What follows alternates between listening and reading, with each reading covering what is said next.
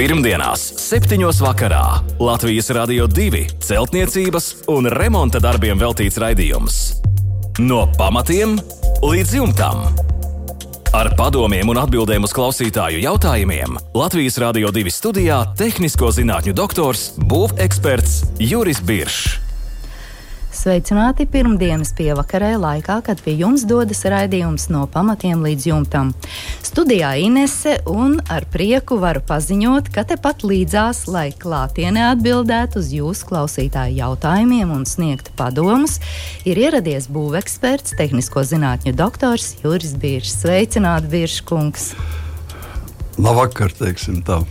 Liels prieks jūs atkal redzēt klātienē. Nu, man tāpat tas jau visiem ir. Vis, man liekas, ka visiem jau tas online eh, režīms ir. Attālinātais režīms. Mēs visi esam no tā noguruši. Jā. Un cerams, ka šis režīms ir aizgājis uz neatgriešanos. Nu, lai tā būtu. Lai tā būtu. Un vislielākie ieguvēji šajā situācijā, kad jūs tepat esat mūsu studijā, ir mūsu klausītāji. Jo mēs varam noteikti kvalitatīvāk un detalizētāk atbildēt uz jautājumiem. Nu, tā ir. Jā. Centīsimies. Un šovakar sāksim ar vēstuli, kur ir atsūtījis Uldis. Uldis raksta, paredzēts ārā lieveņa remonts privātmājai. Pašlaik ir flīžu klājums, dažas flīzes ir atlikušas, bet lielākā problēma tomēr ir to slīdēšana tieši augstākajos gada mēnešos. Un kādu klājumu, kādu materiālu jūs, Biržkungs, varētu ieteikt?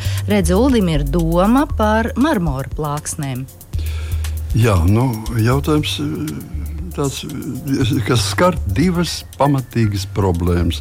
Un pirmā problēma ir tāda, ka Latvijas apstākļos, lai nu cienījamie klausītāji, kā jūs arī neteiktu, un kā es man arī mēģinātu pārliecināt pretējo, Latvijā nevar flīzēt ārā darbus tāpat, kā to dara iekšpusē. Klimata dēļ. Klimata dēļ.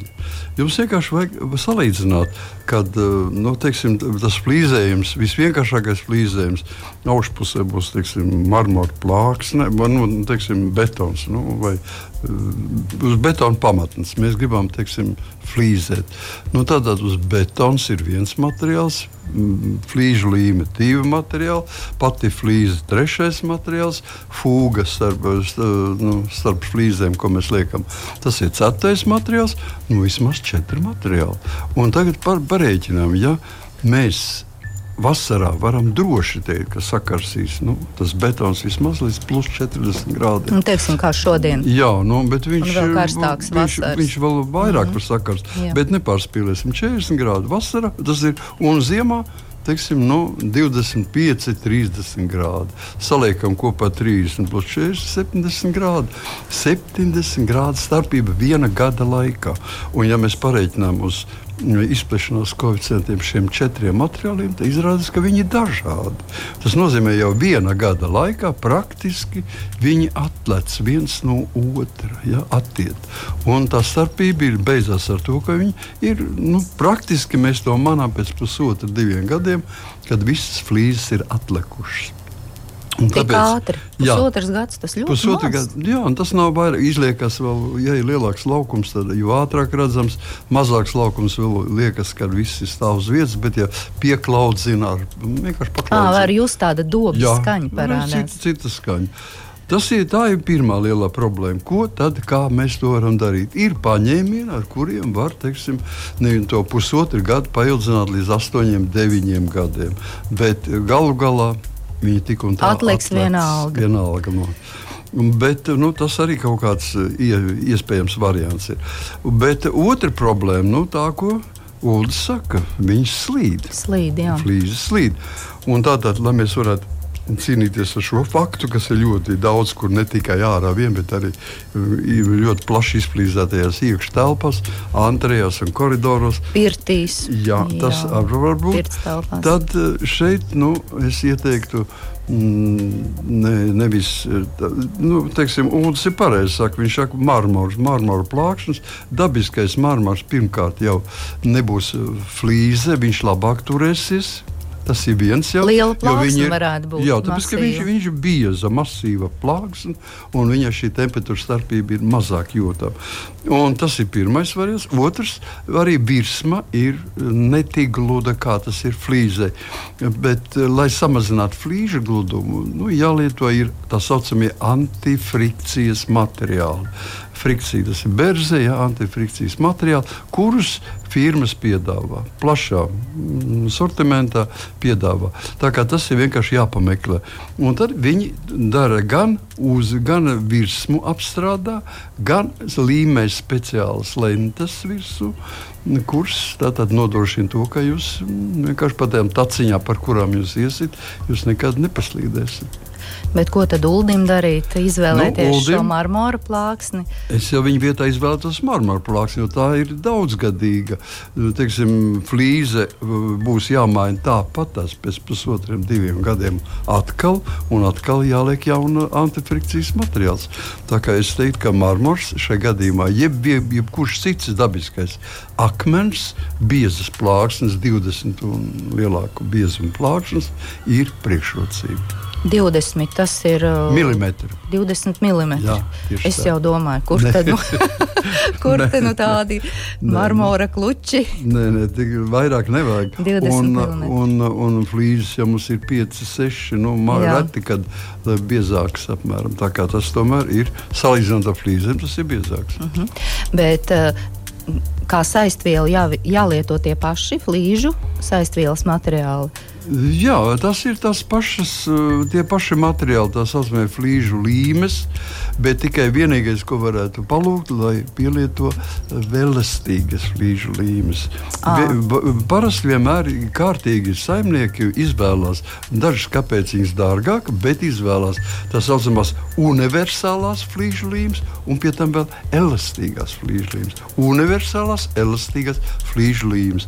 Un, ja tādas firmas piedāvā, tad tām ir priekšroka.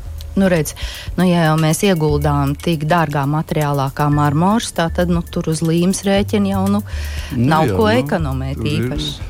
Vismaz reizes, divas, trīs būs dārgāk nekā flīzes. Protams, tas kādiem 30, 35 eiro vismaz par, par kvadrātmetru. Domāju. Jā, un varēs, nu, tad jau nu, deviņi gadi varētu būt ka kalpos droši, nu, vai pat ilgāk. Tad droši vien ilgāk. Marmors kalpos ilgāk, pat vēl nav Ah. saruna. Jo rit, cita lieta, ja mēs paņemam parasto flīzi, un tad uh, es ieteiktu speciāli ir tehnoloģija, kur mēs tagad neapskatīsim, bet, bet ir tehnoloģijas, ar kuru palīdzību var paildzināt to mūžu līdz tiem 8, 9 gadiem, pat parastai flīzītei. Bet marmors pats par sevi kalpos, nu, pat desmit nav un mazāk nav saruna. Nu, redz, Uldim ir pareizā izvēle - marmora plāksnes ar lievenītiem. Turpināsim mēs ar Edgara atsūtīto vēstuli. Un Edgars ir pievienojis arī vairākas fotogrāfijas. Paldies par to. Uzreiz tā bilde top skaidra un var arī detalizētāk izprast situāciju. Un lūk, Edgars raksta, jautājumu viņam ir vairāk nekā atbildžu. To mēs saprotam. Un raksta tālāk, nesaprotam, no kura gala ķerties klāt. Plānots ir atjaunot inženieru komunikācijas pirmajā stāvā, arī siltās grīdas, kā arī visu pārējo, lai ģimene varētu droši un mierīgi dzīvot. Mūsu rīcībā ir nonācis īpašums. Ap 70. gadiem celta stāvbūve, divu stāvu māja ar pagrabu. Mm, Māja vairāk kā piecus gadus ir bijusi neapdzīvota. Visur pa perimetru mājas fasādē ir plaisas, arī mitrums. Pamati no akmeņiem un cementa. Pirmais stāvs no ķieģeļiem, apmests ar kaļķveidīgu materiālu un uz uh, koka skaliņu režģa. Otrais stāvs ir koka, arī apmests ar kaļķiem līdzīgu materiālu. Pa visu perimetru ir jāmaina mājas vainagbaļķa apakšējais baļķis. Arī otrajā stāvā vainagbaļķis izskatās, ka būs jāmaina. Nu, redzē, ar ko varētu šos vainagbaļķus aizstāt. Un, protams, kāda ir darbu secība. Un fotografijās mēs redzam, nu, skaista 70. gados celta māja. Man liekas, ka arhitektūras modernisma paraugs. Tāda, tāda neparasta, skaista Jā. māja un interesants plānojums. Nu, jā, mazliet tīrs tāds Jā, jā, jā. modernisms Ir, nebūs, ir. bet, bet jā, ir. ir. Nav tāda klasika. Nu, jā. Nu, lūk, Biržkungs, ar ko tad tos uh, vainagu baļķus apakšējos divus varētu aizstāt un nomainīt? Jā, ko jūs ir- ieteiktu? Tas ir arī pamatu darbs, jo, cik es saprotu, vispār saimnieki, tas nozīmē, ka Edgars netiks cauri bez ēkas kopējās siltināšanas. Tā kā viņi būs jānosēdz ar siltumizolācijas materiālu, un pirms mēs to darām, tad vajadzētu visus tos eh, darbus, kur mēs kaut ko jaucamies un, un griežamies iekšā ēkā, izdarīt. Un tas ir pirmais, kas jāizdara, protams, ir šie vainagi baļķi. Vainagbaļķus atti, ā, atstāt kokā nebūtu prāta darbs. Un tāpēc viņus, ko mēs darām, mēs ņemam, atsedzam šo vainagu baļķi, nu, zināmā garumā. Tā lai nu, tas nebūtu nu, teiksim, 2-3 metri garumā, atsedzam viņu, pēc tam viņu izzāģējam ārā. À, pa gabaliem tā Jā, pa gabaliem, tikai pa gabaliem. Nu, un, teiksim, pusotru, divu metru mēs varam atļauties izsāģēt. Un tad mēs to nu, ap- skatāmies, kā mums tāda konstrukcija jūt. Ja tur ir kaut kādas eh, izlietas vai deformācijas, tad mēs viņus ar domkratiem nosprostojam, tā viņi Tā kā nostiprinām. Jā, nostiprinām, ka lai viņš tāpat paliktu. Tad mēs to vietu, kur atradās šis baļķis, mēs viņu hidroizolējam, atjaunojam hidroizolāciju. Kārtīgi uz tās veidojam vai nu parasto keramisko ķieģeļu, vai sīkbloku, teiksim, keratēnu vai, vai fibobloku rindu. Un uz šīs rindas mēs, mēs uh, atkal klājam virsū hidroizolāciju, un tad tikai laižam atpakaļ šo sienas daļu. Kāpēc vajadzīgs tas saspriegums? Tas saspriegums no sākuma, teiksim, domkrāta ielikt iekšā, lai viņš saspriegtu. Jo mēs nekad nedrīkstam e, izzāģēt kaut ko laukā un aiztaisīt, aizsmērēt tikai ciet. Tā mēs radīsim daudz, nu, teiksim, katrā gadījumā ēka nestrādās tā, kā viņai vajadzētu strādāt. ka Slodze netiks nodot pareizi. Un tāpēc mēs viņu saspriedzam. It kā vairāk Nu, paceļam tā kā pišķiņi pat pie, piepaceļam. Nu, nu, nu, piepacelt nevajag. Ne, mēs varam, varam saplēst to māju, bet, bet nu, viņi ir saspriegti. Jā. Un tad, kad mēs eh, es, esam izve- izveidojuši jauno šo baļķu vietā, šo sīkbloku rindu, un viņi noklāti ar hidroizolāciju, tad mēs viņu, tos domkrātus atlaižam, un viņi nosēžās pati. Jau noslogo mūsu konstrukciju. Nu, skaidrs, māja ir smaga, Un tad, viņa, un tad viss ir kārtībā. Tad, lūk, Un tā ik pa diviem, Tā, trim metriem diviem, trim metriem mēs apējam riņķi pa perimetru visu māju. Diemžēl tā tas ir visprātīgākais. Jā, teiksim, protams, ka kokā to varētu darīt varbūt ātrāk, bet tas, ja, ja reiz vienreiz iet bojā, tad arī varētu pēc kādiem gadiem atkal kaut kas atcelt. bet redziet, Edgars raksta, ka eh, jāmaina būs divi vainagu Tas bāļi. nekas. To, tas, nekas. Tas, nekas. tas augstums to darām vispirms neiespaido. apakšējo un pēc tam Ā, augstāk. Pa- Pārējām apli, pa apakšējo un pēc tam ejam uz un pa augšu. otru aplējam. Nu, tad varam iet jau Apet abus nevar uzreiz. uz. Būs nevajag. pa daudz, Uz rābas nevar. Ne. Nu, redz, skaidrs, daudz ko uzzinājām. Nu, katrā ziņā nu, pamatīgs darbiņš, bet nu, kas jādara, jādara. Un vēl Edgars raksta, verandu viņš arī vēlētos pārveidot par darba istabu un balkonu vietā izveidot papildus istabu ar plakano jumtu. Un jautā, cik tas būtu racionāli un arī tehniski iespējami, Virškungs. Kā tur izskatās? Nu, es teiktu, ka zīmējumiem? tehniski viss iespējams, vairāk vai mazāk. Ko vien vēlies? Jā, ko vien vēlas, tas viss ir rīcības brīva, laiks un finanses. Ja. Jā. Bet, eh, bet kas attiecās par, par to, es vienkārši skatījos jau, skatījos, kad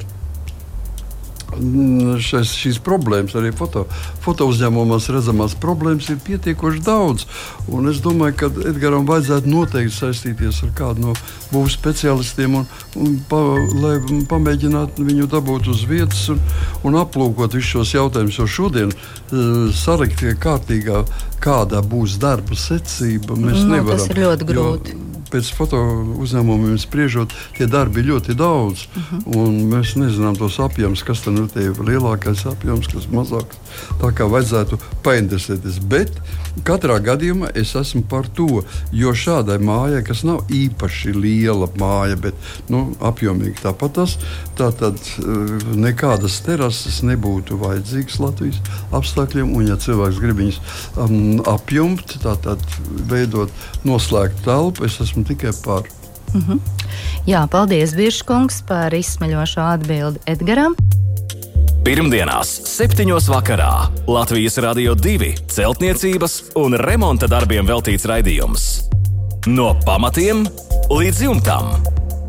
Ar padomiem un atbildēm uz klausītāju jautājumiem Latvijas Rādio 2 studijā - tehnisko zinātņu doktors, būveksperts Juris Biršs.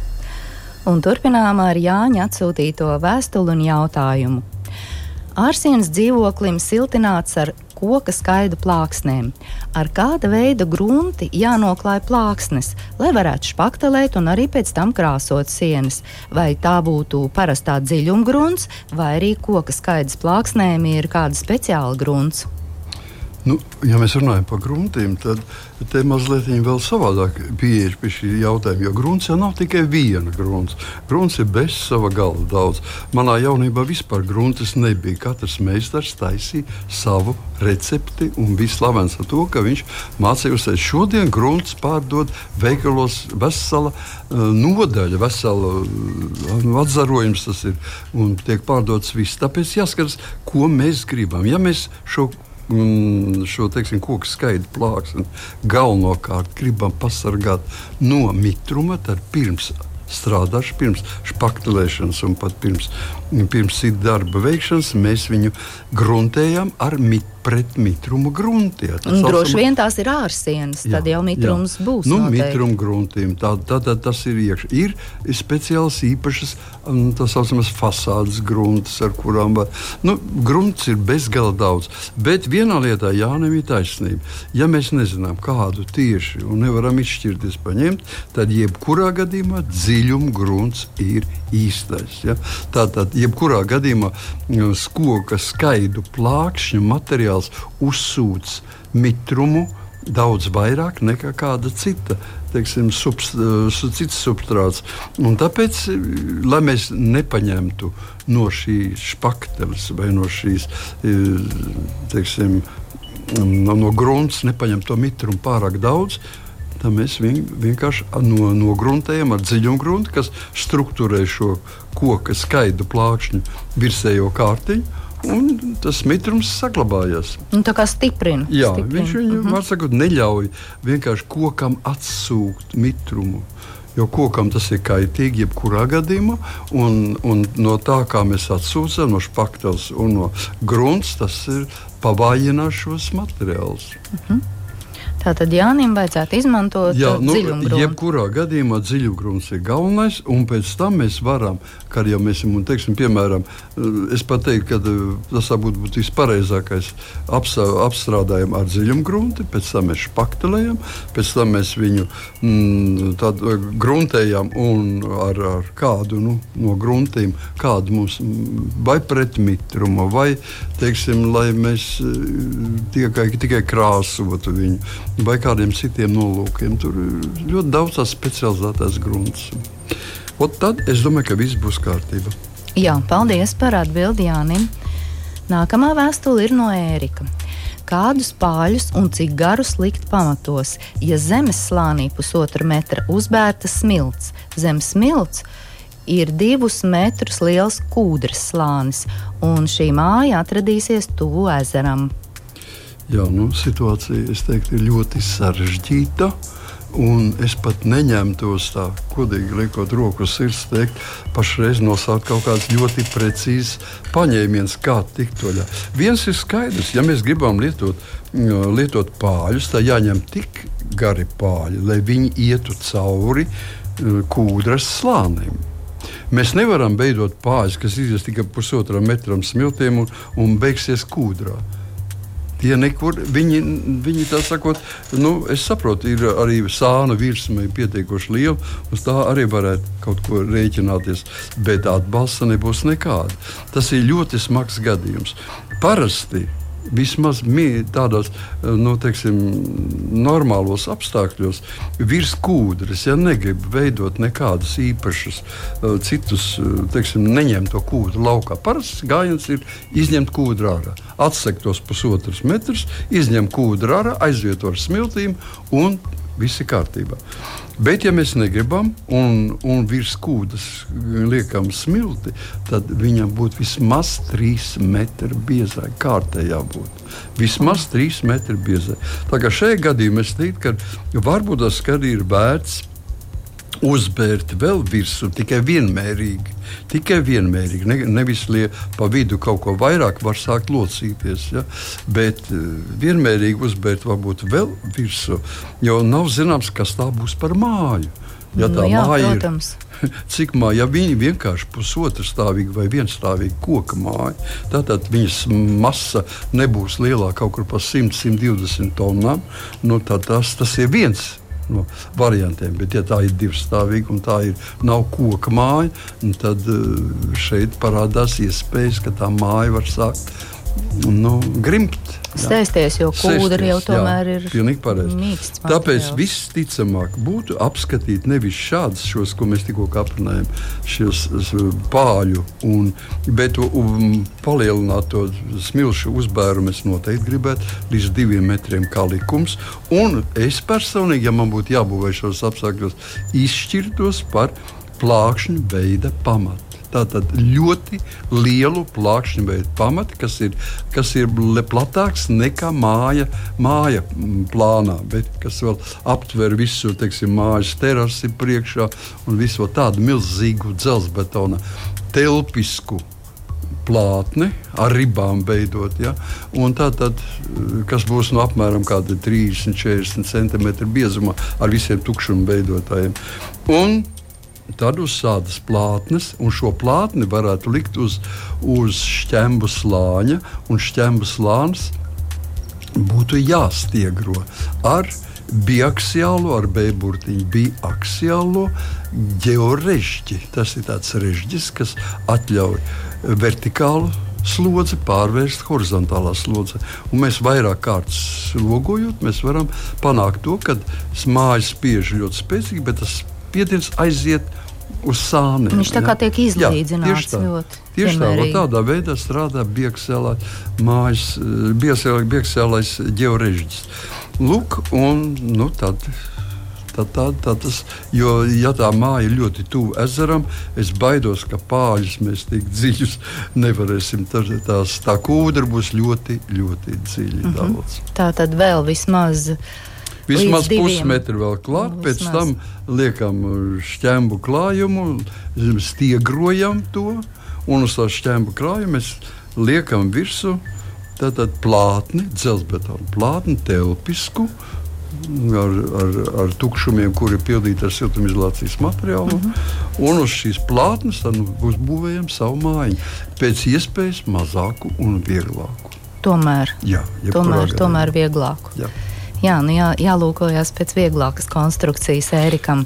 Šajā gadījumā, ja grib māju pie ezera, Nu, es teiktu, ka, ja cilvēks uh, grib kaut ko, lai aizbrauc un paskatās uz, uz uh, kas tas ir par ezeru, kad mēs braucam uz Plaskavas pusi. Pirmais ezeriņš slavens. Man vienkārši no apmēnes tagad -hmm. izskrējas laukā, tur visādi slavenības dzīvo.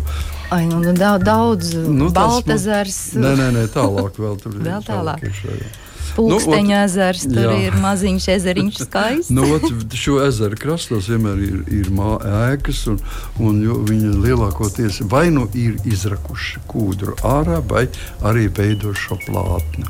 Tā tad ir divi varianti - izrakt kūdru vai veidot plātni. Jā. Ar pāļiem šeit nu, nebūs līdzēts, nu, acīm redzot. Tur ir milzīgi dziļus, mm. milzīgs pāļs būs. Es domāju, Jā. ka tādai vienai mājai tik dārgs um, pamats nevajadzētu. Mm -hmm. Jā, paldies, Biržkungs, par atbildi Ērikam. Nu, katrā ziņā laiks ir aizskrējis vējas pārniem. Un uh, šodien tas arī būs viss, bet pēc nedēļas mēs noteikti tiksimies un atkal atbildēsim uz klausītāju jautājumiem. Jums tikai tie ir jāatsūta. Mūsu e-pasta adrese remonts at lr2.lv. Varat pievienot arī savus fotoattēlus, tad mēs varēsim detalizētāk un, un, un labāk noteikti atbildēt uz jūsu jautājumiem un risināt jūsu problēmas. Jautājumus varat iesūtīt arī izmantojot mūsu Latvijas Radio 2 mājaslapu un noteikti izmantojiet arī savas iecienītākās podkāstu platformas. Bet šovakar gan, lai jums jauks, mierīgs vakars kopā ar Latvijas Radio 2 un tiekamies pēc nedēļas. Visu labu! Pirmdienās, 7. vakarā Latvijas Rādio 2 celtniecības un remonta darbiem veltīts raidījums. No pamatiem līdz jumtam. Ar padomiem un atbildēm uz klausītāju jautājumiem Latvijas Rādio 2 studijā - tehnisko zinātņu doktors, būveksperts Juris Biršs.